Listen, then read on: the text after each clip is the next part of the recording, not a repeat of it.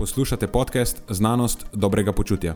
To je oddaja, v kateri odkrivamo, kako lahko znanost pomaga izboljšati vaše počutje in kako kritično razmišljanje omogoča sprejemanje dobrih odločitev na področju zdravja in fitnesa.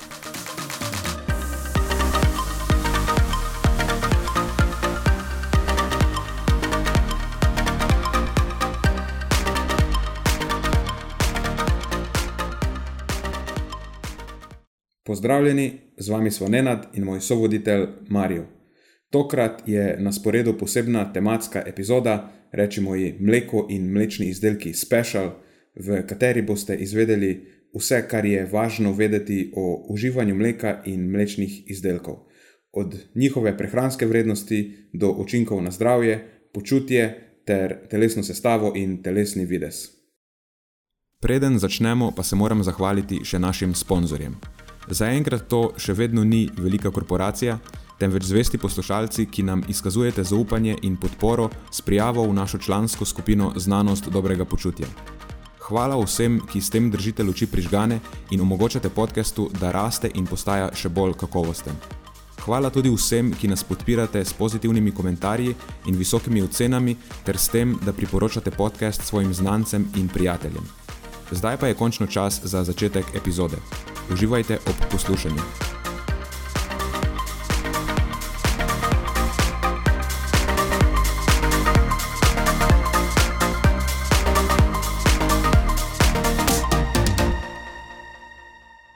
Dobro, bom bil glasen. Odlično. A si pripravljen, se je danes dobro, boš mogel biti glasen, tema je tudi takšna. Glasna. Glasna, kontroverzna. Mislim, čeprav ne bi smela biti kontroverzna ampak iz nekega razloga je. Ker če bi, ja. tako, glede na dejstva in glede na podatke, bi to morala biti ena izmed najmanj kontroverznih tem v prehrani. Ampak, da je povem, ja, ni to nekaj, kar velja za večino tem v prehrani. V bistvu. Kaj pa jaz vem? Večino teh, v katerih ne kroži največ mitov. Mislim, če sadje in zelenjava nista ful kontroverzni temi. Ajde, mogoče sadje, ampak zelenjava pa tako, pa se vsi strinjajo. Zelenjava, ne, sploh ne. Zelenjava v zadnjem času postaja vedno bolj kontroverzna tema. Imáš razne črvesne guruje, ki govorijo, da pač zelenjava ima cel kupenih. Uh, dobro, to so neki ja. čudaki outlieri. Mislim, da vse. To je premajhna množica ljudi, da bi lahko uh, naredila to temu kontroverzno. Mislim, čaki, da kar se tiče zelenjave, se v, tako vse prehranske sekte, skoraj, razen res teh najbolj, najbolj ekstremnih, ki jih je, mislim, da se ne identificira veliko število ljudi z njimi.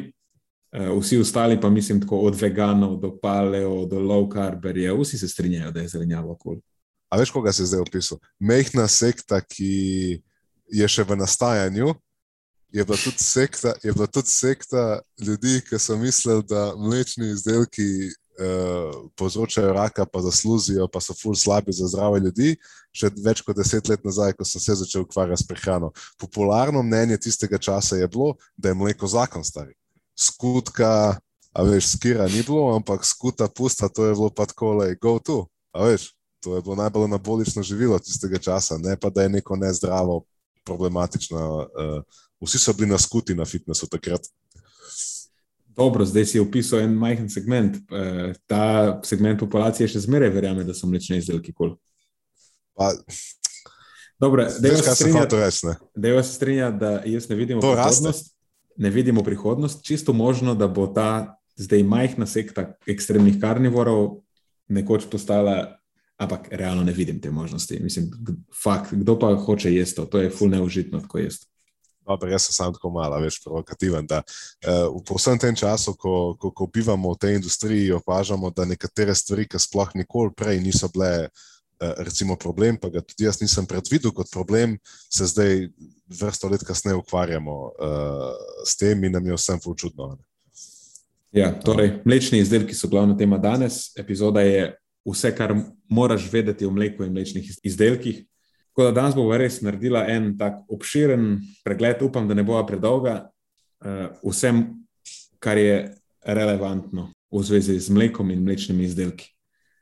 Glede na to, kako obširna in kontroverzna je ta tema, jaz realno ne vem, kje bi se je sploh lotila.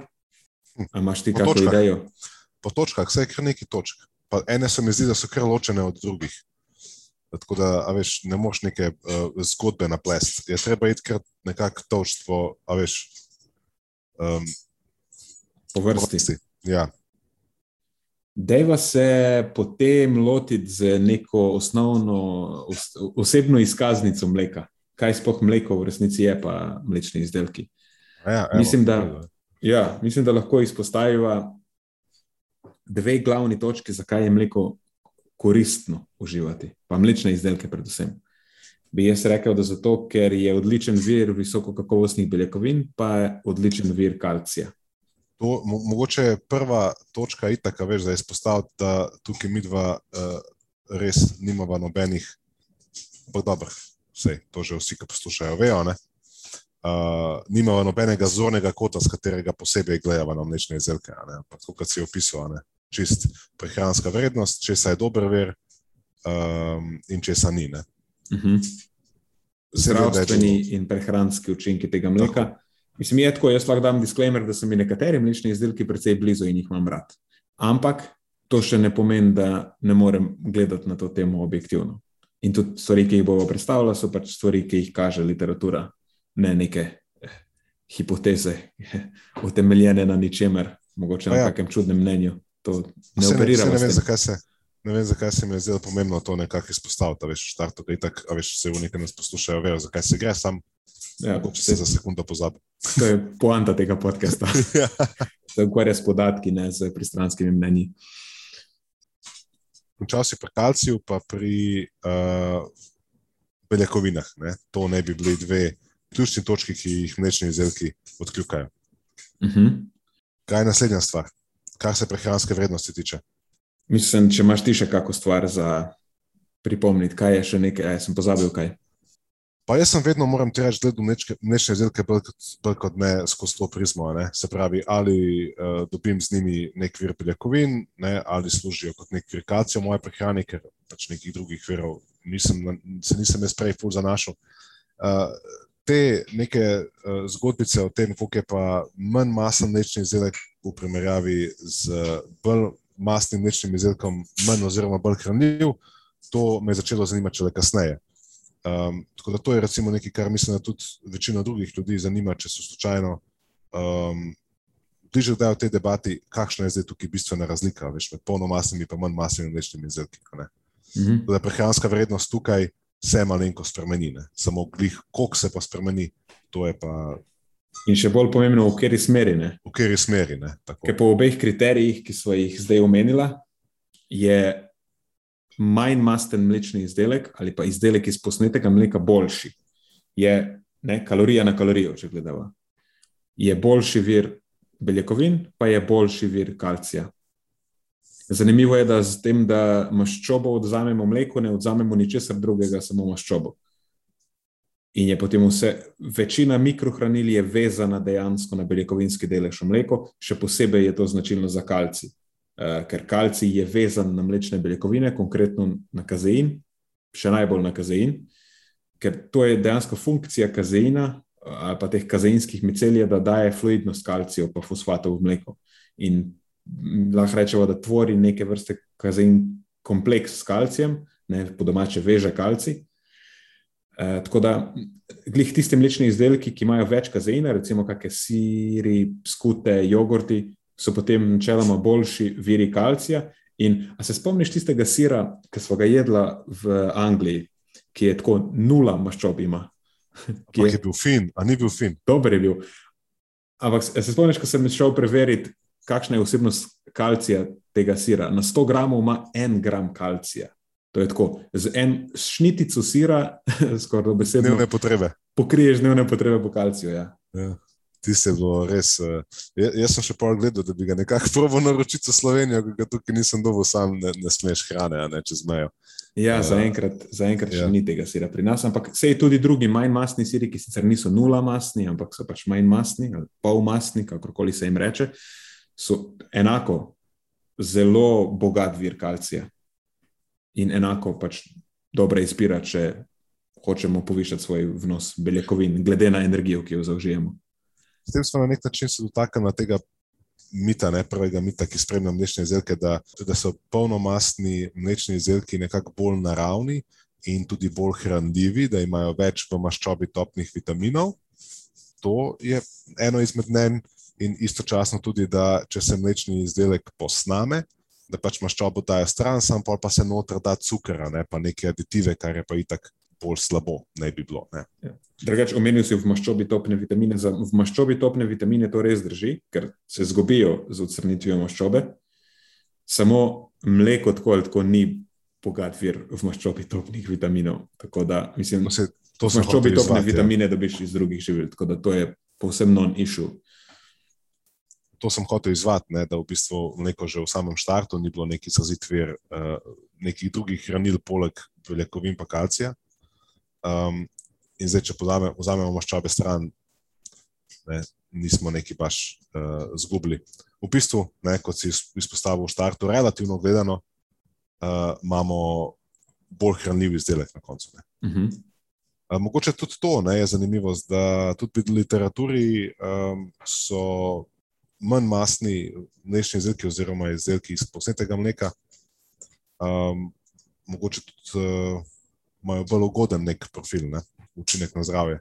Mislim, da ko govorimo o mleku, pa o jogurtih, pa o takih zadevah, pa o sirih, se ta učinek v bistvu ne pokaže dost močno. Edino velja pri smetanah, mogoče pa vem, da pri maslu velja. Maslo nekako odstopa, Maslo zelo izstopa. Ne. zelo odstopa ja, od uh, mlečnih izdelkov in mislim, da bi ga bilo najbolj korektno kar odstraniti iz te zgodbe. Eh, Dejansko, ko gledamo v raziskavah, eh, so za maslo zelo drugačne povezave kot za ostale mlečne izdelke. Dočim je zanimivo, da recimo polnomasne skute, polnomasni jogurti, pa manj masni, kažejo v populaciji dost nekako podobne izide. Čeprav potem v, to pa je zdaj čisto anegdotalno, kar mi vidimo v praksi, je, da marsikdo s povišeno telesno maso uh, si, si predela nekaj tega, ali pa recimo, da polnomastni mlečni izdelki lahko prispevajo nek relativno velik delež uh, krivde za to, da ima nekdo povišeno telesno maso. Uh, Sploh če se zelo zanaša na mlečne izdelke. Jaz sem imel to v mislih, pa se mogoče nisem najboljši izrazil. Uh, nekako sem imel v mislih to, to da so mlečni izdelki, nekako polnomasni mlečni izdelki, predstavljajo kar zajeten delež kalorij v prehrani uh, danes. Uh, in to lahko pač prispeva pol, ne, malo Mhm. povišani, povišani telesni masi in nekih, nekim komplikacijam, ki so lahko tudi na ta račun. Uh -huh.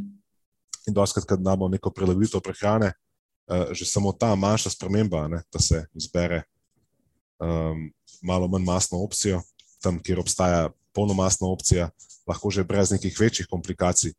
Um, Ja, tako da za odrasle, pretežno sedeče ljudi je, po mojem, vsekakor manj masten mlečni izdelek bistveno boljša opcija.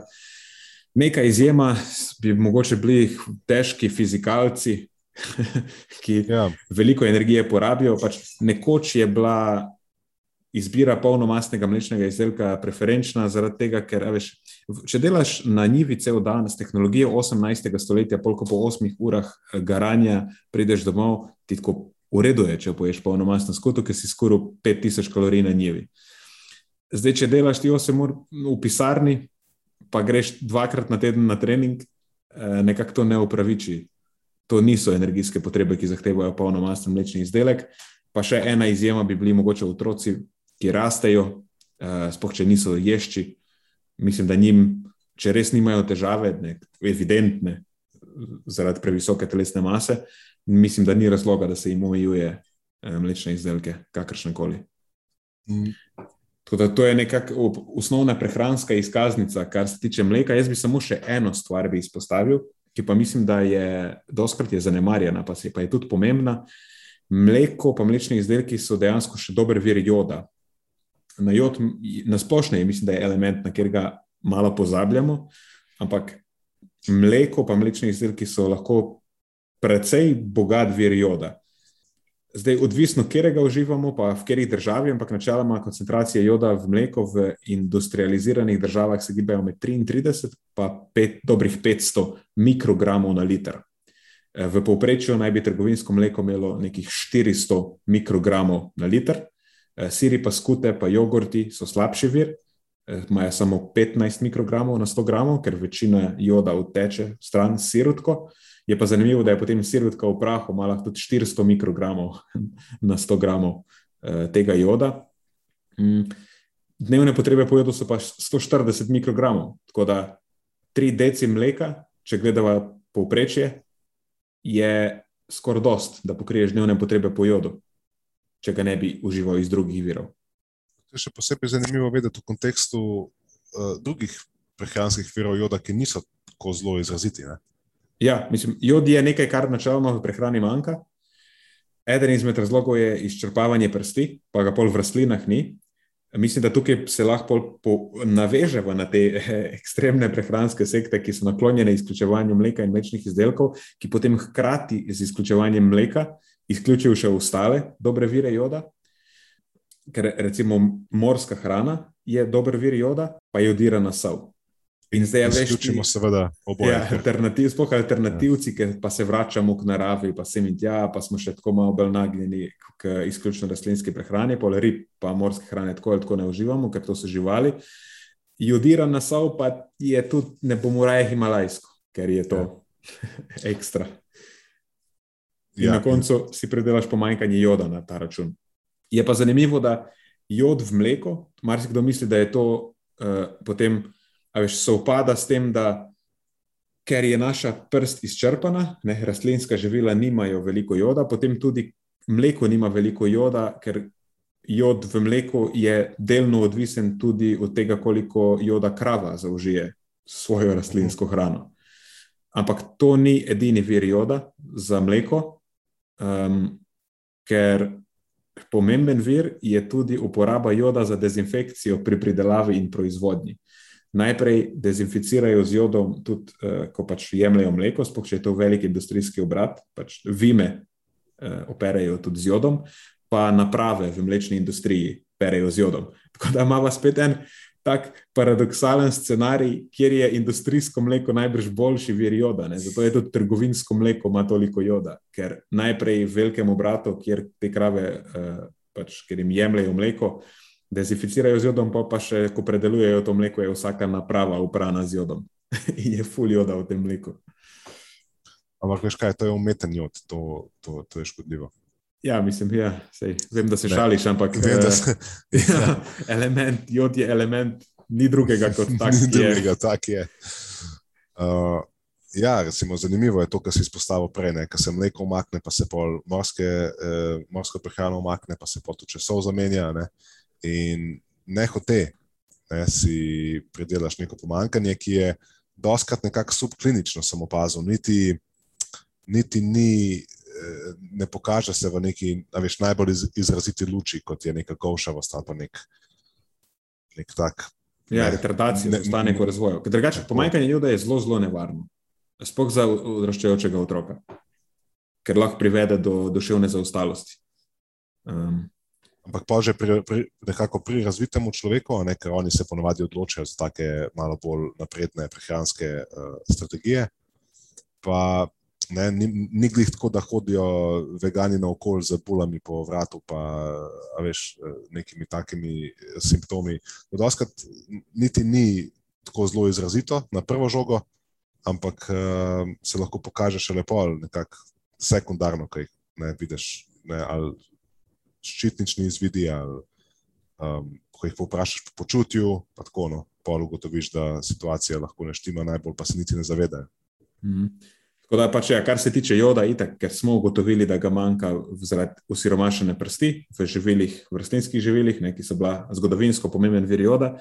Zdaj jod dodajamo v sol, tako da je mogoče to manj problematično, samo lahko pa postane problematično, če nekdo izključi mlečne izdelke iz prehrane in pol hkrati še izključi jodirano sojo iz prehrane, ker opažamo, da gre doskrat z roko v roki, je to problematična zadeva. Da, ko govorimo o mleku, pač beljakovine in kalci so glavni dve stvari, ker viri kalcija, razen mleka, pa mlečnih izdelkov, so tako pač. Težko je, no, spet imamo srdelce, moram jih postaviti, moj skoraj najljubše živilo. Ampak se jih s kostmi, ne? Ja, s kostmi, ker so pač kosti vir kalcija. Uh, po pa se že počasi zgubi ta kalci. Mislim, ja, zelena listnata zelenjava, samo koliko tega pa poješ. pa ureščki, pa semena v redu. Ne. Mogoče soja, pa absorpcija, sojini, ja, pa sojini izdelki, eh, pač odvisno, tega, od, odvisno od tega, tudi kako so pridelani, ampak tudi to ni glih nek bogat vir kalcija. Zdaj, pri rastlinskih hrani tak, ne, že, sam, že absorpcija ni popolnoma enaka, ne, tudi če je neka vrednost.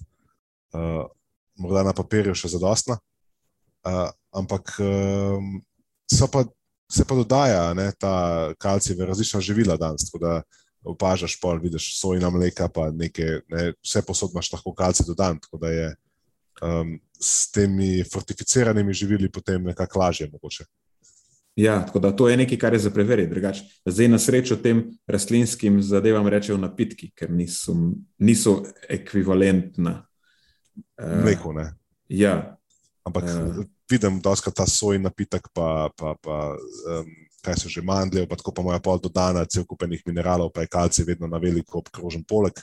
tako. Uh, pa tudi niso neke zelo mehke količine tega, se- če se prav spomnim, ki jih dodajo. Tako da z neko razumno količino bi lahko že dobil nekaj kalcija. No. Ja, tako da to je Eh, potem ampak nekaj, kar je iskati, ne. sigurno. Sigurno za preveriti, koliko tega ja. zaužiješ. Da je dovolj. Um, prehransko vrednost in kak smo. Ne? Ja, mislim, ali bi da so, še omenil si kazein, mogoče niso glih, ka- kaj sploh ta kazein noter je, eh, pa kaj je, vem, kaj je, najbolj, kaj, kaj je največji kamen spotika mogoče pri tem mleku. Uh, ponovadi sta to ali, ali kazein ali laktoza, nekaj od tega je ponovadi problem. uh -huh. Uh, skoraj večkrat kot pa neka alergija na mleko.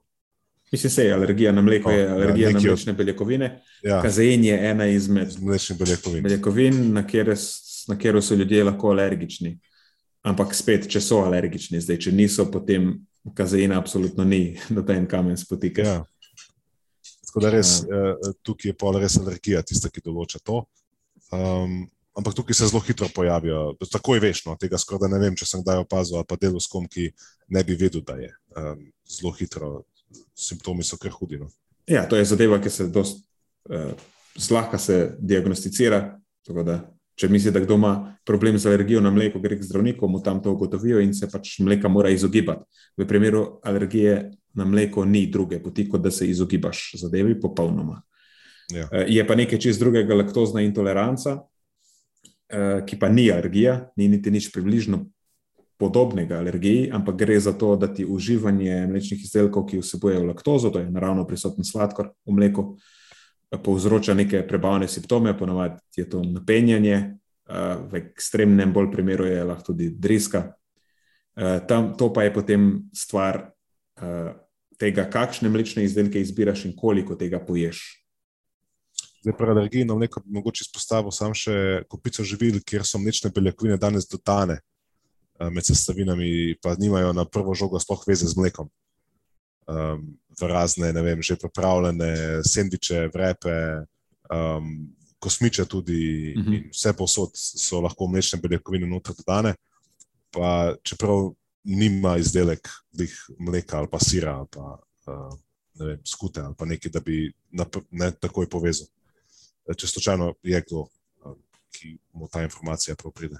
Ja, eh, če je nekdo alergičen, mislim, da ga dobro podučijo, da mora Ja. biti pozoren pač na vse udebeljene mleka O- na o- sestavinah različnih udebeljene. izdelkov. Ja. Um, Ampak s tem res ni toliko velik težav. Danes ta intoleranca na, na, na, na laktozo je nekaj, kar je tako najbolj samodiagnosticirana stvar, takoj za glutenom, po mojem, v prehrani. Pa mislim, da gre z roko v roki potem z to izbiro surovega mleka. Ljudje mislijo, da če bodo pa pili surovo mleko, da surovo mleko, to je pa oh in spoh, to je pa zdaj boljša izbira. Mislim, da pri, pri tem surovem mleku lahko nekaj časa preživiva. Pa lahko začnemo kar, ja, vem, lahko začneva- jaz, jaz grem lahko zdaj na pivo. a ne. lahko začnemo kar pri lakto uh, intoleranci. Ker to vem, da je tale eh, surovo mleko tema, to je nekaj, kar tebe kar zna dobro razhuditi, ko vidiš koga, da priporoča pitje surovega mleka. Ja, ker res ni nobenega razloga, nobenega razloga, zakaj bi kdo preferiral surovo mleko nad eh, pasteriziranim mlekom. Mislim, je veliko razlogov, sam ni, ni nobenega utemeljenega. No, sej to, Ja. sej, če ni utemeljen razlog, potem Ni ni razlog. razlog. um, Eh, Ker drugače na to temo imamo raziskavo narejeno. Um, že, pa niti ni nova. Niti ni tako nova. Ja. Ja. 2014, to so Mumah ja. in sodelavci, je crossover raziskava 16 odraslih ljudi. In so teh 16 odraslih ljudi hranili z sorovim mlekom, s pasteriziranim mlekom, pa z sojnim mlekom, in vsakič potem so jim pač merili uh, izdihan vodik, ne? ker to je neka stvar, ki se zgodi. Um, lahko mogoče najprej povem, kaj je stvar te laktozne intolerance pač laktozna intoleranca je posledica pomanjkanja laktaze, to je ta encim, ki razgraja uh, laktozo. Laktoza je disaharid, pač dva sladkorja sta povezana in kot taka se ne more absorbirati, mora biti razgrajena na ne, posamezna sladkorja, na glukozo in laktozo, ki se pol absorbirata. In ta laktaza se nahaja na površini tankega črvesja. In zdaj, če ali bodi si pač imaš prirojeno to pomankanje, uh, da je stvar genetska, ali pa imaš neke poškodbe tega tankega črvesja, pa pač tega encima lahko ni zadost. In to pomeni, da se laktoza ne razgradi, ker nimaš laktaze, in potem ta neabsorbirana laktoza prispe v debelo črevo. In tam pride do fermentacije. Tako da tvoja mikrobiota je full vesela, se začne full hraniti s to laktozo, in medtem nastaja ugljikov dioksid, vodik, pa metan, eh, pač plini, in to vodi do napihnjenosti potem pa tudi do krčev, pa raznih izpušnih plinov in takih in mhm. drugačnih izpustov. E, no, in potem, recimo, če imaš ta problem, e, del teh plinov tudi izdihaš, ker ne grejo samo spodaj ven, ampak tudi zgoraj ven. In vodik ne, je eden izmed teh, ki se lahko meri. Tako da, če ima nekdo težavo, pa ga ful začne jo matrati ti prebavni simptomi, načeloma bo tudi izdihal veliko vodika, in potem ta vodik se meri, in lahko hitro ugotovimo, ali imaš problem s tem ali nimaš. No, v tej raziskavi so bili ljudje, ki so imeli laktozno intoleranco, in zanimivo, da je sorovo mleko jim je povzročilo, da so izdihali več vodika kot pasterizirano mleko, in čist pričakovano, um, sojino mleko jim ni povzročilo. Ničesar takega, ker pač laktoze nima, tako da to je bila neka kontrola, to sojino mleko. Oziroma soj in napitek, da bomo čisto korektni. Eh, je pa zanimivo, ja, da tako pasterizirano kot surovo mleko je pač povzročilo, da so izdihali veliko tega vodika. Je pa res, da je bila statistično značilna razlika, da surovo mleko je pa povzročilo še večje težave. Se, se sprašujem, zakaj? A je bilo razloženo? Ne, niso nekaj posebej hipotetizirali o tem, koliko se spomnim. Um, ne vem, v glavnem, lej, niti eno, niti drugo mleko za človeka z intoleranco na laktozo ne bo dobra izbira. Mislim, da je tukaj nauk zgodbe ta, da surovo mleko ne bo rešilo tvojih težav, lahko jih pa mogoče še poslabša. Poslabša še, ja. Tako da ta ni govor o tem, pa tukaj so naravno prisotni encimi, pa sem in tja, to je več ali manj um, pravljica, ki nima nobene podlage. Eh, tehnično sicer drži tudi to, da so v surovem mleku lahko prisotne določene bakterije, ki eh, sicer sintetizirajo laktazo, ker ena izmed strategij, ki se eh, doskrat uporablja za omejevanje simptomov laktozne intolerance, je, da se dodaja te probiotike. Sam fora je, da v tem mleku ni toliko teh bakterij, da bi lahko kakorkoli umililo. Mislim, evidentno ni, ker rezultati ja. kažejo, da. Mleko ni fermentirano živilo. Ne? Tukaj pri dodajanju probiotikov se ne gre za to, da bi to mleko ne bilo predhodno fermentirano, samo da lahko obogatijo eh, to tvojo produkcijo. Ja, produkcijo ja, ja, pač ti probiotiki potem lahko proizvajajo nekaj laktaze, in potem, ne, če spet ne pretiravaš z mlekom, lahko to malo umilite simptome. Eh, je pa tako, da še mogoče do vseh strategij za zmanjšanje gastrointestinalnih simptomov povezanih z intoleranco na laktozo, so ti probiotiki najbolj taka hipotetična, pa brezvezna rešitev. Um, tako da, če ima nekdo intoleranco na laktozo, potem absolutno izdelki brez laktoze, danes jih je že full, bo to njegova prva izbira. Mm, potem naslednja bo najbrž eh, bodo izdelki z zmanjšano vsebnostjo laktoze, ker doskrat je pri tej intoleranci problem količina ker ljudje včasih sploh nimajo eh, tako popolne odsotnosti laktaze, ampak je samo produkcija zmanjšana iz različnih razlogov. To pomeni, da tudi če nekaj laktoze je v prehrani, to še ni problem, težave nastopijo, ko je je full. In za te ljudi pač ne bodo pil mleka, ampak lahko pa recimo jejo skir, ker skir praktično nima uh, laktoze ali pa neke unibeljakovinski pudinge, vem, da tudi doskrat nimajo. celo piše gor, da je brez laktoze na kakšnih teh beljakovinskih napitkih. Recimo. Ja, tako. A pa na, na vsakem pa včasih piše, ne piše, glik, da je brez laktoze, ampak tako piše, da je koncentracija laktoze. Vem, da na Lidlovih to piše. Aha, piše, tako, da je zelo nizka. Ja, ja izjemno nizka.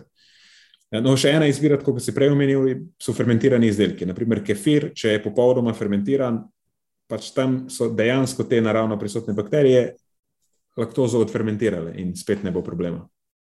Jaz bi tukaj na tej točki mogoče samo izpostavil eno opažanje. Um, ne, ne, ne niti pri sebi, toliko, kot pa pri nekaterih strankah, da ko so uh, oni sami sebi diagnosticirali intoleranco na laktozo, so jo ustanovili na podlagi uh, uživanja fermentiranih mlečnih izdelkov. Um, pa se mogoče lahko v določenih primerjih pokaže tudi, da sami fermentirani izdelki, še posebej, če so iz nekih živih kultur, da lahko tudi uh, vzdražijo malo želodec, uh, povzročijo neke simptome, mogoče bolj um, redkega odvajanja, uh, pa se potem to lahko napačno morda uh, interpretira kot neka intoleranca na, na laktozo. Ja, drugač, kar se tiče teh fermentiranih izdel, izdelkov, sploh zdaj, ki se jih v zadnjem času kuje v zvezde, da so oh in sploh. Ja, za marsikoga ja, niso bili najboljša opcija. Med fermentacijo ja, nastajajo tudi razni biogeni, amini in tako naprej. Um, in je lahko pride do neke česa podobnega intoleranci zaradi tega, sploh nima nobene veze z laktozo ali čem takim. Zato sem želel to izpostaviti zdaj na tej točki, ker pa veš, ja, ne, aha, fermentirani mlečni izdelki imajo manj laktoze, v redu, pa pa spije pol litra keferja, ne, pa še posebej kupijo ga specialnega krepko za živimi nekimi kulturami, pa pa, ne, dva dni tekoče driska, pa pa uf, ne, očitno je z mlečnimi izdelki nekaj narobe. Ne? Mogoče mm -hmm. pa, če bi, kot si rekel, povedal sker nek, ne, nek drugi izdelek, pa ne bi bil tak problem. Ali pa če se samo najde neka tolerančna meja, ne? da se mogoče uh, omenil si, ne? eno je. Verjetno si tja tudi cilo, da bi šel na ja, točko tako. tri, da bi tolerančno mejo poskušal poiskati, ta je pa lahko zelo individual, individualno pogojena. Ja, pa tudi odvisna od uh, časa. Uh, recimo, če nekdo, marsikdo si lahko pridela, intoleranco začasno. Če izključim mlečne izdelke, ker v biologiji je tako, až, če ne uporabljaš, pa zgubiš to funkcijo. Lahko tudi v tem primeru pride do tega. Če je nekdo izključil iz nekega razloga mlečne izdelke iz prehrane, bo se lahko zgodi, da bo nehal proizvajati večje količine laktaze, in potem, če na vrat na nos spet začne piti mleko, pa zna to povzročiti tako mini katastrofico v njegovih prebavilih, dokler se ne adaptira nazaj to sem večkrat uh, um, opazil kot neko potrditveno pristranskost, uh, izločim mlečne izdelke iz prehrane ne, uh, za nekaj časa. Potem pa, kot praviš, čez nekaj mesecev, ki začnejo počasi dodajati, in seveda ne, se simptomi začnejo pojaviti, intolerance, in potem, aha, no, vidiš, sem imel prav, očitno mi ne paše. Ja, sploh, če jih dodaš naenkrat, no, ja, pač dokazati si si hotel in si si. Ne. Ja. Um, in, uh, zgodi se tako, da s starostjo ta sposobnost mogoče celo upada. Uh, tako da, če starostnik nek izključi mlečne izdelke iz prehrane za dlje časa, pa si pol pridela nekaj podobnega intolerance na laktozo, lahko da bo zadeva zelo počasi se vračala, ali pa se spoh ne bo povrnila. Uh mhm. -huh. Tako da, če ješ to, pa ti je všeč, pol nima smisla izključevati tega. Drugač pa najbolj elegantna rešitev, ali pa mogoče druga najbolj elegantna, če so izdelki brez laktoze najbolj elegantna, je pa dopolnilo laktaze. Enostavno dodaš ta encim in ti že v prveš razgraditi laktozo in to je to. E, dosuplementiraš ta encim, ki ti, ki ti manjka. Ki ti manjka tako, ja. ja, pač to je res zelo elegantno. Uh, tako da z laktozo se da danes, um, mislim, ej, ponudba izdelkov brez laktoze danes je skoraj identična, a ne dobiš sir brez laktoze, um, mleko, ni da ni. Od, ja, sej. Siri, siri načeloma tudi spadajo v kategorijo zmanjšane osebnosti laktoze, že v, v osnovi. Imáš pa tudi tiste, kot praviš, ki so popolnoma brez laktoze, mm. ki nimajo niti tistega pol gramčka na 100 gramov. Vse to je, ja, čisto tudi neki namazi. Res, imaš, res industrija je poskrbela, da tukaj res se nekdo s takim stanjem ne rabi počutiti prikrajšanega. Ja. Razen, če res je zunik, tam pa se to ne uporablja. Ne? Ja. Uh, drugač pa, ker so blaže pri tem surovem mleku, pa si je omenil, da me razjezi ta zadeva. Uh -huh. Mislim, razjezi me zaradi enega razloga, predvsem kužnosti. Je, ja, pač uživanje surovega mleka v okolju, kjer imaš vse posod na voljo varne opcije, to je pasterizirano mleko, je sam ful neodgovorno, ker je eden izmed glavnih mikrobioloških dejavnikov tveganja uh, za okužbo, predvsem z listerijo, ampak tudi z drugimi patogeni. In ne vem, zakaj bi kdorkoli to delal ker je stvar precej tvegana. Usporednico uh, vidim z domačimi jajci. Uh, nekaj časa se je govorilo, da so domača jajca, da, da imajo nižje tveganje za salmonelo, ker pa so zunija, ne, pa se, a veš, to je vse happy. Uh, in je ne, tveganje za salmonelo nižje, to, ker če pa ješ nova trgovinska jajca, to pa ne, ful večje tveganje. Pa je v bistvu nekdih obratno, ne, v najbolj sanitarnih pogojih lahko maksimalno zoptimizirajo ali pa znižajo tveganje za salmonelo, dočim, če ti pač imaš doma kuro, ki zvali jajce v svoj lasen drek. Um, pač... Štiri dni nazaj, mogoče mi je ena poslušalka napisala privatno sporočilo na Instagram. Navezovalo se je sicer na to, da sem jaz objavil story o tem, kako neodgovorno je. Uh, oglaševati uživanje surovega mleka, sploh za otroke, ker je nevarno. Za otroka je še bolj nevarno, če se okuži z listerijo ali pa z nekim podobnim patogenom. In se je, seveda, najdla se je ena uh, mami blogerka, ki je na veliko mhm. oglaševala, da ona svoje otroke hrani s surovim mlekom in nekako propagirala to naprej, na kar je pač meni pade ne, tema čez oči, pa sem se malo dotaknil te teme.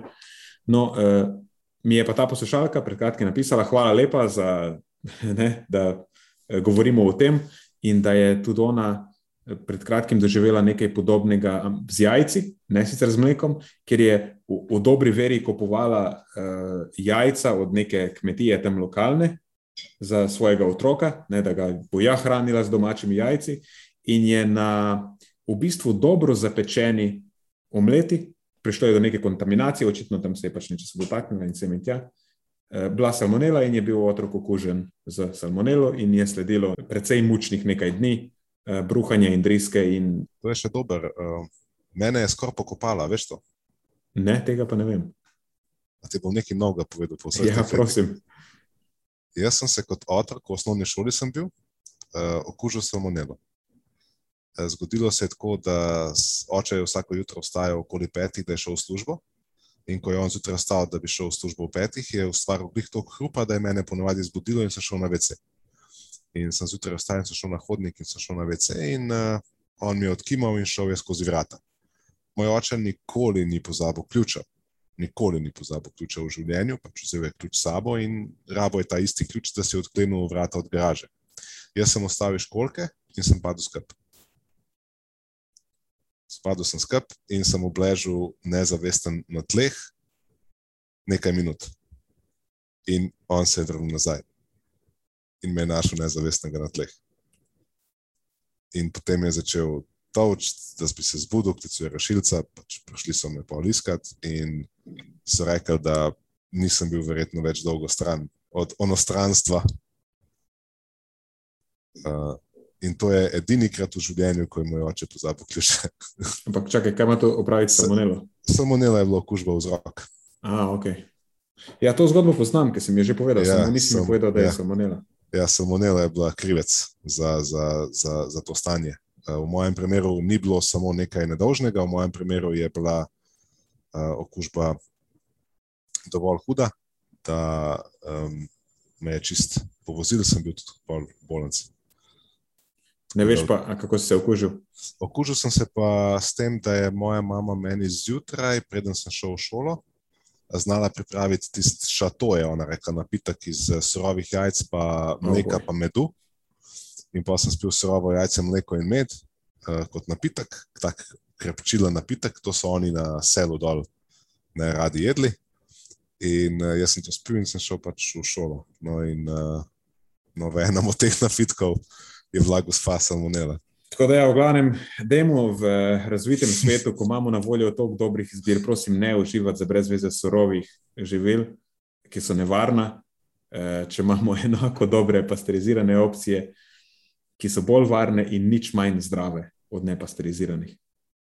Eh, tako da s pasteriziranim mlekom se ne zgodi nič posebnega, tudi hranilna vrednost mleka ostane pa zelo podobna, če ne celo identična. In na tej točki deva zraven dati še homogenizacijo, ker tudi homogenizacija ni čisto nič posebnega, samo te uh, maščobe, po domače povedano, mleko se razbije na manjše, da se potem ne združijo in nabirajo po vrhu, ampak ostanejo ne, homogenizirane znotraj eh, pač te raztopine mleka. Eh, Ker drugače bi se pač maščoba nabrala po vrhu in bi bilo to neidealno z Sej, eh, zelo podobno bi bilo, a, a se motim, če bi pač dal par kapljic olja v vodo, pa bi zelo močno mešal.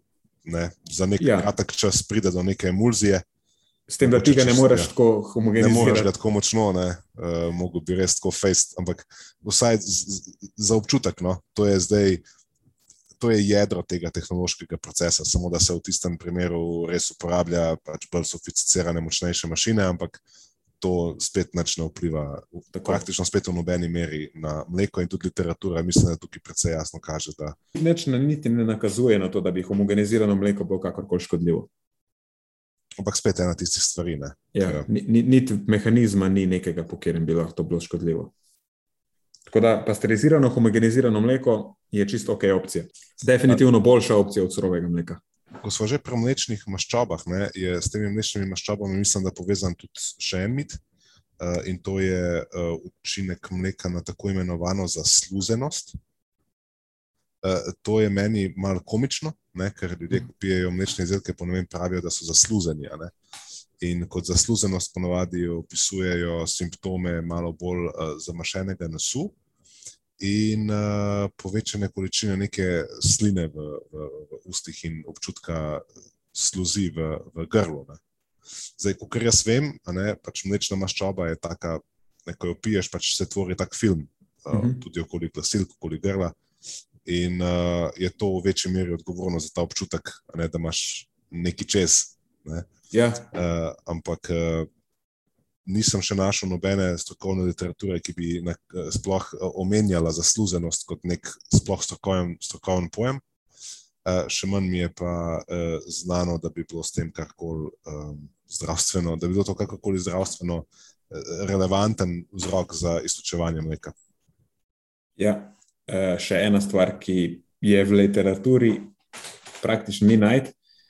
Ko pa že pride do tega, da se omenja v nekem drugem kontekstu, je pa ponavadi to hipoteza, da se pač ustvari nek ta film, če uživaš polnomastne mlečne izdelke in to lahko subjektivno si ljudje potem nekako Svoje interpretirajo. ja, čutijo, kot da zdaj pa imajo nekaj v grlu ali kakorkoli. Um, naslednja stvar. Zdaj, jaz imam uh, eno izmed tako top tri pritožb, ki jih slišimo v mleku, je ponovadi, da um, zdaj one večje si že ti pokril, ne, od laktoze do homogenizacije, pasterizacije teh postopkov, ampak to nekako protivnetno, ne, da mleko pač spodbuja vnetje v telesu. Um, in da je neka glavno protivnetno nek pristop, ki ga lahko bereš, da mleko, pa gluten, ne spet gluten, ampak da mleko, ta, ta jadni gluten, noben ga ne mara, uh, da, da daš mlečne izdelke stran. In dosti krat celo vidim, da določeni eh, sektaški prehranski eh, strokovnjaki, svetovalci, uh, a priori odsvetujejo mlečne izdelke, tako brez nekih uh, kontekstov ali izjem. In to je eden izmed glavnih razlogov, zakaj, ki ga navedejo, da mleko povzroča vnetja, spodbuja vnetja, in ljudje smo že tako tako provnetna bitja in moramo blažiti vnetja.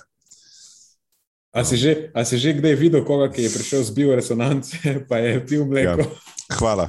Ja, hvala, hvala. To je od tam ne. skozi, ga vprašam, kaj ste ti prepovedali? Ja, mleko, absolutno mleko. Ja. prvo. Ja, res. Uh, jaz, lej, kol- koliko smo imeli že ljudi, s katerimi smo sodelovali, ki so imeli pač neko bioresonančno izkušnjo. In, uh, zdaj, a, a je tako veliko na ključe, ampak da desetine in desetine ljudi, in noben mi še ni rekel, da mu je njegova bioresonančarka dovolila mleko jesti. Mislim, to je prva stvar, ki jo črtajo in ki jih. eh, Če smem tudi izkušnjo svojo podati, jaz sem enkrat, pač, veš kako je to, vse mora bodala probata. Ne? Mhm. Jaz sem pač šel probati, ne? mene je zanimalo, ferbec, kot pri vseh ostalih stvareh. In sem šel pro- proba- probati na več različnih naslovov, in uh, ena izmed teh najbolj znanih mi je seveda odsvetovala do nadaljnega uživanja, uživanja mleka uh, in mlečnih izdelkov, in sem seveda jaz zvedal, kot sem vprašal, zakaj.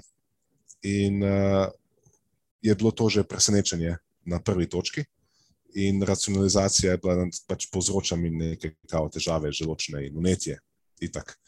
In pa sem vprašal, kaj pa v mleku mi povzroča težave, ne? ker me je zanimalo, da je ona zdaj ve, je laktoza, je kazeina, zakaj, kaj men, zakaj sem jaz netolerant, intoleranten. Um, pa me je pogledala, kot da prvič sploh sliši za kazein ali pa ne, kot da zdaj. Kaj me sprašuješ, modela, veš, tako malo je postajala nervozna. Ne? In pa sem vprašal, kaj pa če izberem mlečne beljakovine v prahu, ki so uh, izolat mlečnih beljakovin v prahu, ki ne vsebuje laktoze. Ne? Pa tudi kazeina, ne? ker je izolat sirotkinih beljakovin. Um, pol je pa sistem razpadel. Pa, ja, jaz bi vse en raj videla, da ne. Ja, mislim, ona je, veš, ti s njo, kaj si jo to sprašoval, ona je pač eh, čutila vibracije, zdaj ona ne ve, kaj je točno. Samo bitja iz, ne vem, odkje se njej povedala, da mleka ne, ne je sprašovati naprej. In mi je bilo zanimivo, da in, moj, in moja izkušnja je bila brez neutemeljene razlage, zakaj uh, ne mlečnih izdelkov, tudi takšnih, ki ne vsebujejo ne laktoze, niti uh, kazeina. Um, ampak potem se je ponavljalo in ponavljalo, da vsak, ki je prišel z bioresonance, mleko je očitno lej, hudičevo seme. Ja. Um, tako da meni se zdi, da uh, je potrebno izpostaviti, da ni absolutno nobenih uh, dokazov, da mlečni izdelki oziroma uživanje mlečnih izdelkov kakorkoli uh, je povezano z povišanimi nekimi unetnimi procesi v telesu. Morda je izjema le situacija, ko nekdo res ima neko alergijo na mleko ali pa neko res intoleranco hujše oblike, pa potem to uživa, na kar je intoleranten in mu to potem povzroča seveda lahko težave in je unetje produkt tega, ampak pri zdravi populaciji, ki z mlečnimi izdelki težav nima, um, mi je vedno znova fascinantno, kako je to dvoje sploh prišlo skupaj. Ja. In vidiš tukaj, pa imamo kar en kup dokazov, ki točno to kaže.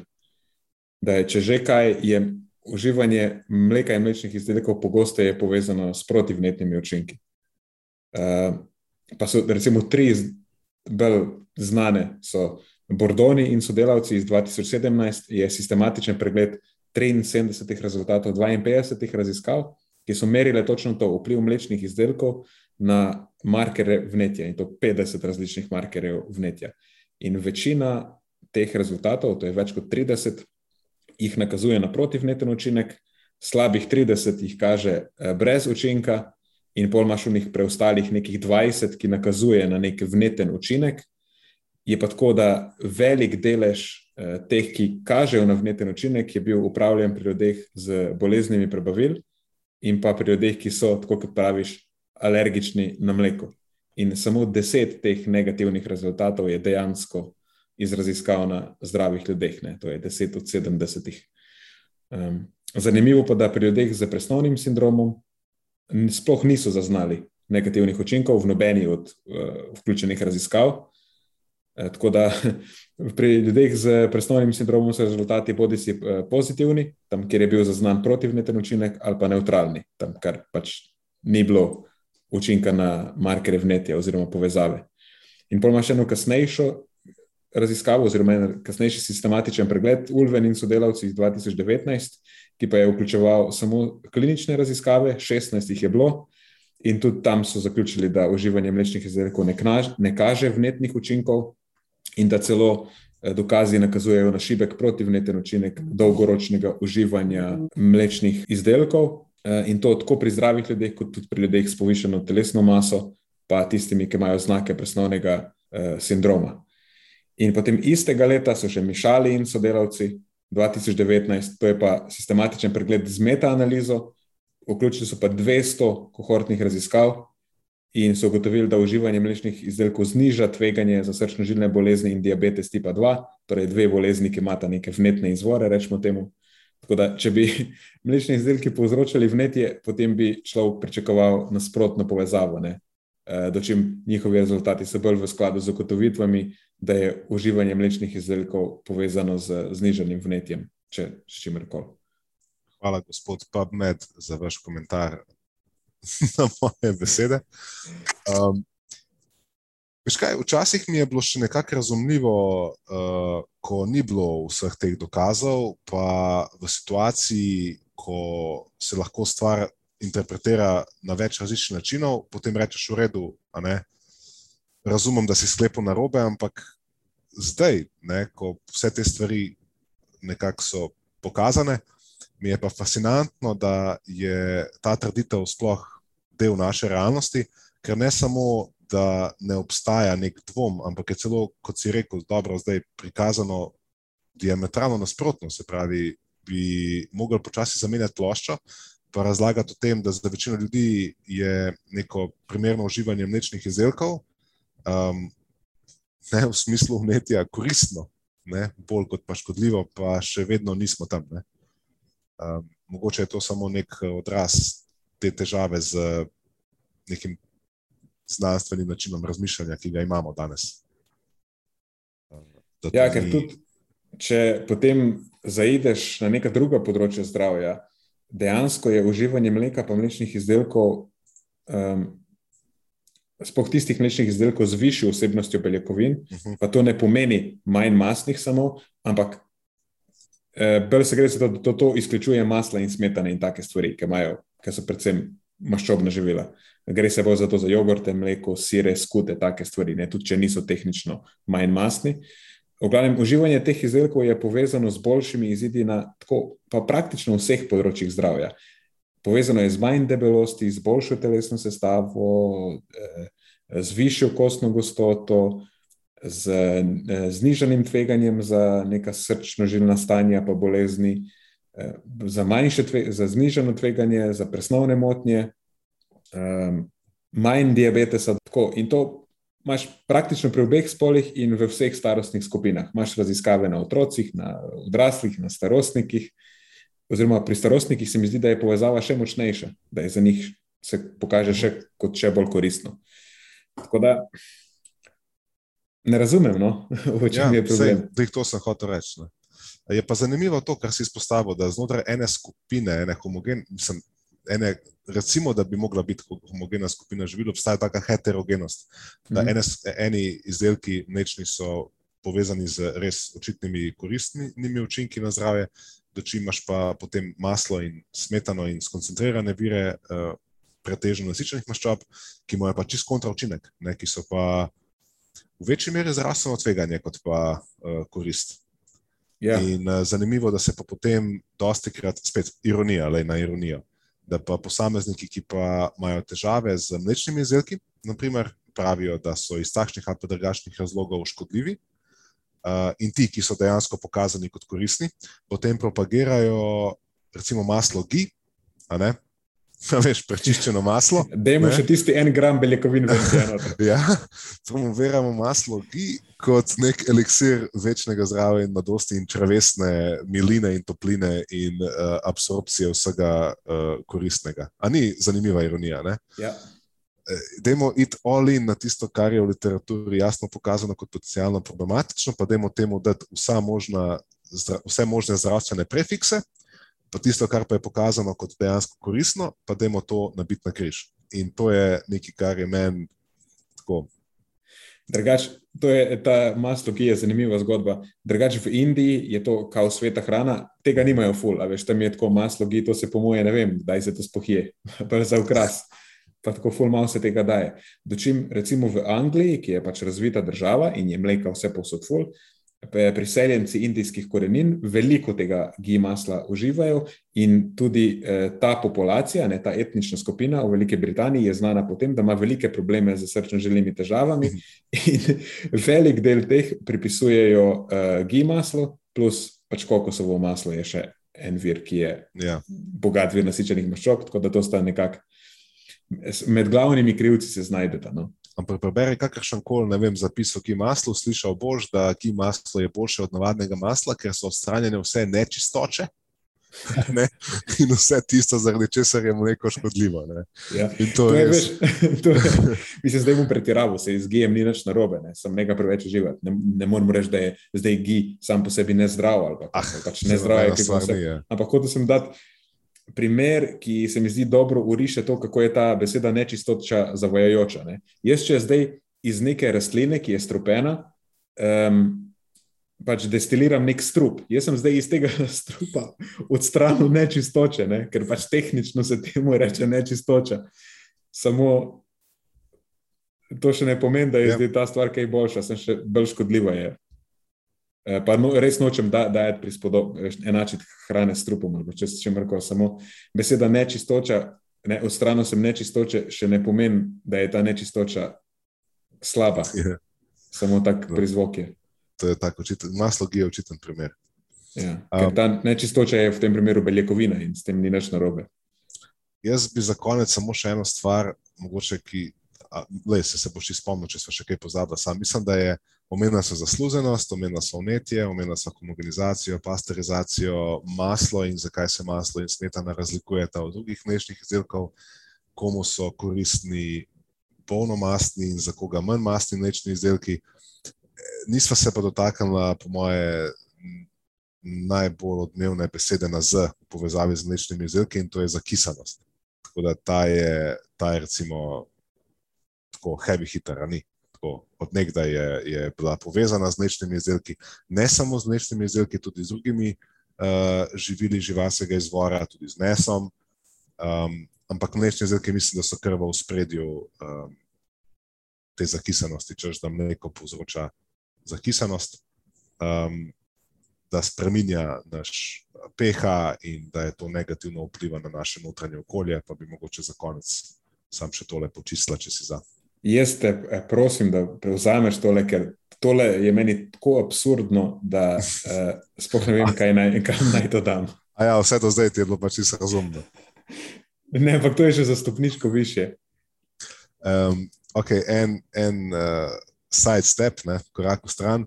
A veš, kaj ti Facebook vsake tok časa uh, doda tisto za nazaj, ne, kaj je bilo pred leti, pa pred petimi leti, pred sedmimi leti. -hmm. No, in nekaj časa nazaj, pozabil sem, le, nisem si zapisal, ampak mi je vrgal uh, eno mojo objavo izpred res mnogo, mnogo, mnogo let, ko sem napisal eno prispodobo um, o zakisanosti. In spodaj je bil ne boš verjel komentar Nina Dakovič. kaj, kaj je pisal? Ja, napisal, si, napisal si, da um, je, da ti je zelo všeč ta prispodoba, ki jo bom tudi danes povedal, pa tista prispodoba o uravnavanju telesne temperature in uh, uravnavanju pH naše krvi. Ne? In potem je nekdo, ne, ne vem kdo, neki izzivu, pa je pisal neke nebuloze ne, o tem, kako pač to ni smiselno. In potem si ti vzel, po moje, ne dva tedna dopusta, da si v uh, enem A4 formatu odgovora, njemu razčlenil tam vse procese in bikarbonate, in ne vem, kaj se dogaja za neutralizacijo soli v urinu. in so se tako nasmeja, veš, oh, lej, to se je začelo dogajati že skozi sedem let nazaj. Um, tako da, lej, to je že dolga, dolga zgodba ne, s to zakisanostjo. In takrat sem izpostavil mlečne izdelke in pač, ne, ali ste kaj zakisani. Uh, tako da, na kratko. Um, Jaz mislim, da celo s prehrano nasplošno ali pa z nobenim živilom samim po sebi dejansko nismo sposobni vplivati na pH uh, naše krvi. Uh, kakšen je točen razpon tega, znaš mogoče bolj natančno kot jaz, pH naše krvi? Mislim, da mora biti zelo tesno uravnavan v enem zelo oskem okvirju uh, in čim zapuščamo ta okvir, uh, sploh se ne rabimo vprašati, ker bomo tako kot končali v bolnici. Eh, tako da naš pH krvi je zelo tesno uravnavan in za neko prehrano uh, z mlečnimi izdelki ali pa z enim samim živilom je zelo, tako, zelo iluzorno pričakovati, da bomo lahko vplivali na naš pH krvi. Uporabil sem prispodobo, da je ta mehanizem podobno uravnavan, kot je uravnavana naša telesna temperatura. Zdaj, mi imamo svojo telesno temperaturo, ki je tam okoli 36-8 do 37, in če gremo v savno, se pravi neko izjemno vroče okolje, pač naša telesna temperatura ostaja 36-8. Ne bomo mi zdaj, zato ker smo v okolju 100 stopinj, krdi na telesno temperaturo na 50, se pravi, telo brani to, kar je za njega zelo pomembno, da ostaja na tej točki. In podobno je tudi v primeru uravnavanja pH krvi. Tako da eh, to je že mehanizem, na katerega vemo, da s prehrano ne moremo vplivati, lahko pa vplivamo na pH našega urina. Ne? Uh, to pa lahko. Um, nažalost, pa pač peha našega urina, ne vem, če je sploh v kakšni koli meri bistveno povezan z nekimi zdravstvenimi izidi. Pa še celo nekaj. Ja, peha urina, se mi zdi dobra prispodoba, zato ti poprosti, ker ti skačemo v besedo. Ampak uh, urin je pot, po katerem se peha mislim, ena izmed poti v naši krvi uravnava.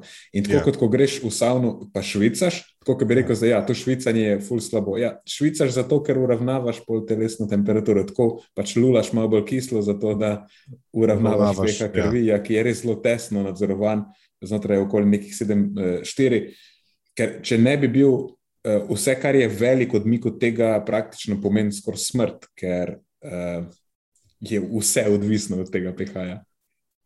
Ja, se to sem nekako hotel povedati. Ne? Pač boš končal v bolnici, če boš zapustil nekaj ukvirje normalnega.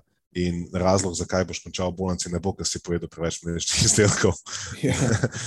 veš, to, je, to je en tak zelo, zelo zanimiv mit, ki v bistvu nekako kaže na nedobro razumevanje um, osnovne fiziologije. No?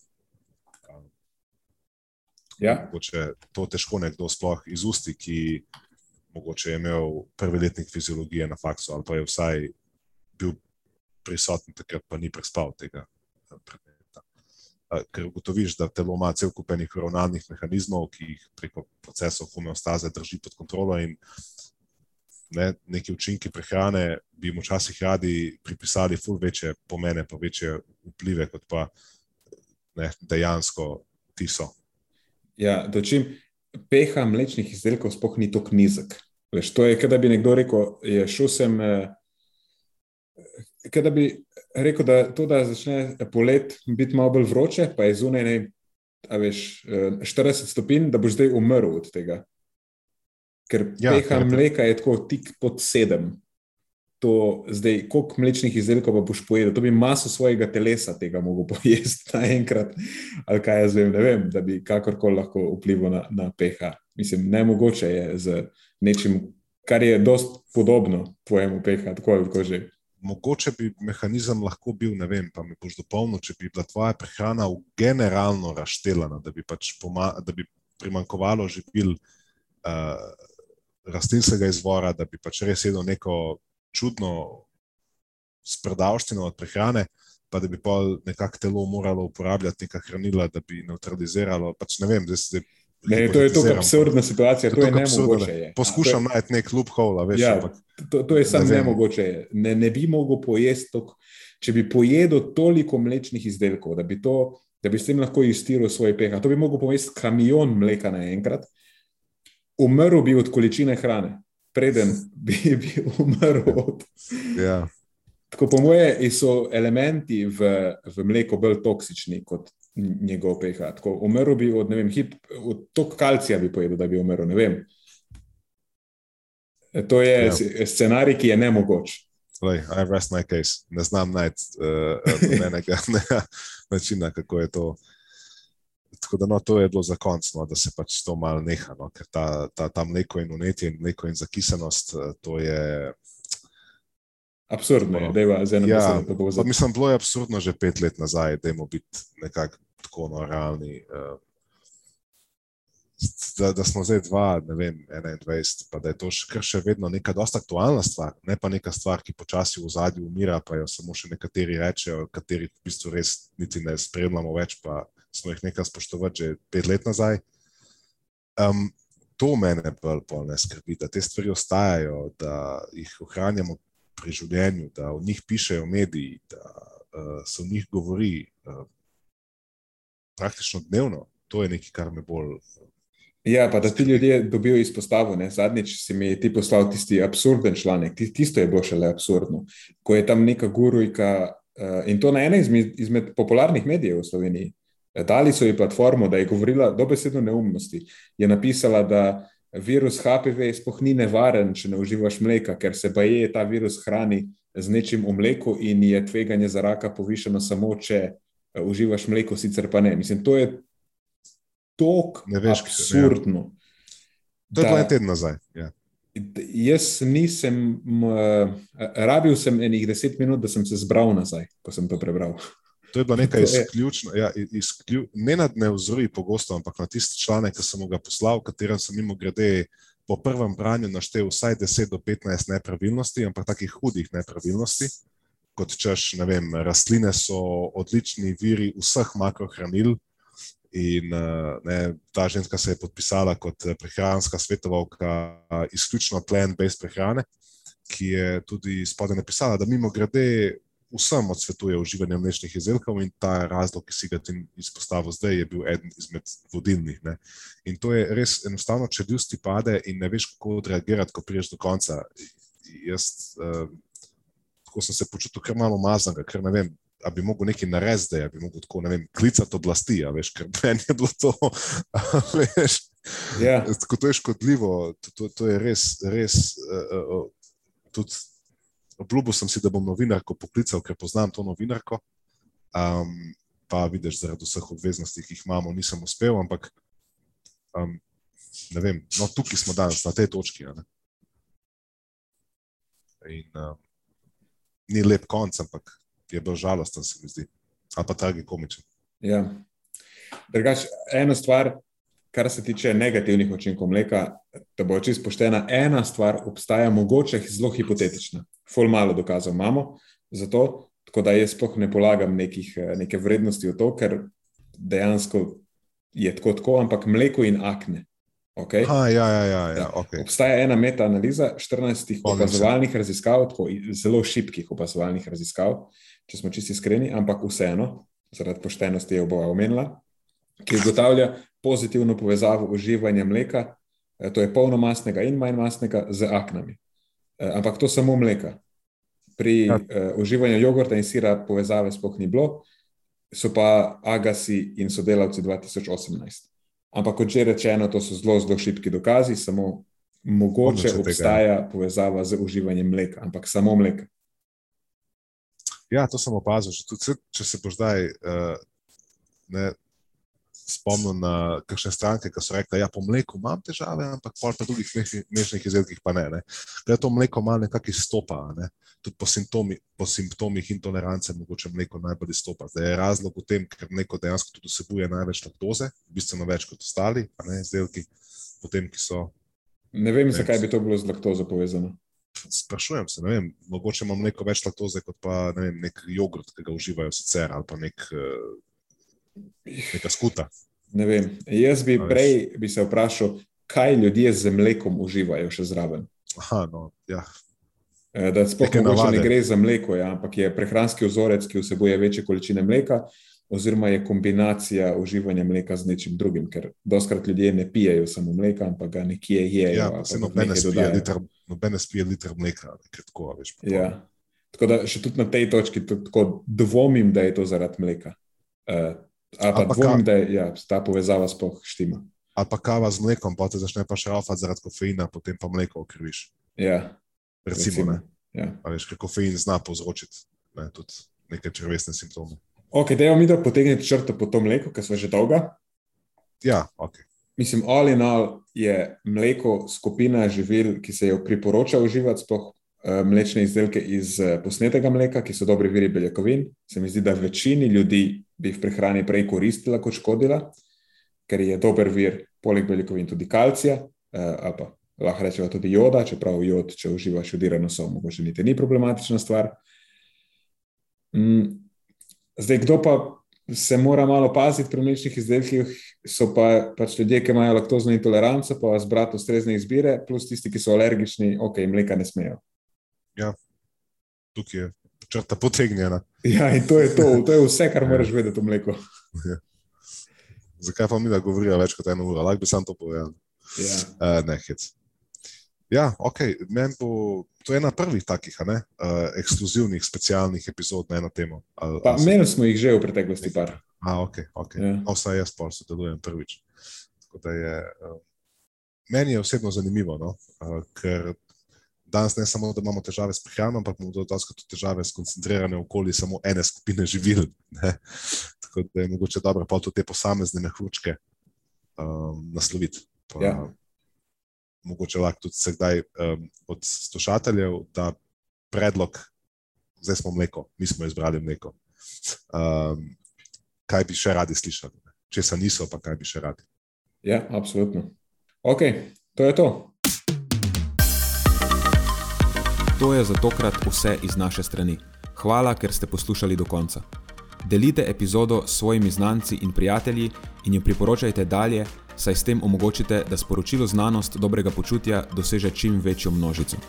Hvala vsem, ki nas podpirate s članarino in tudi vsem ostalim, ki delite podcast dalje in nam izkazujete naklonjenost z visokimi ocenami in pozitivnimi komentarji. Se slišimo prihodnjič, do takrat pa ostanite premišljeni.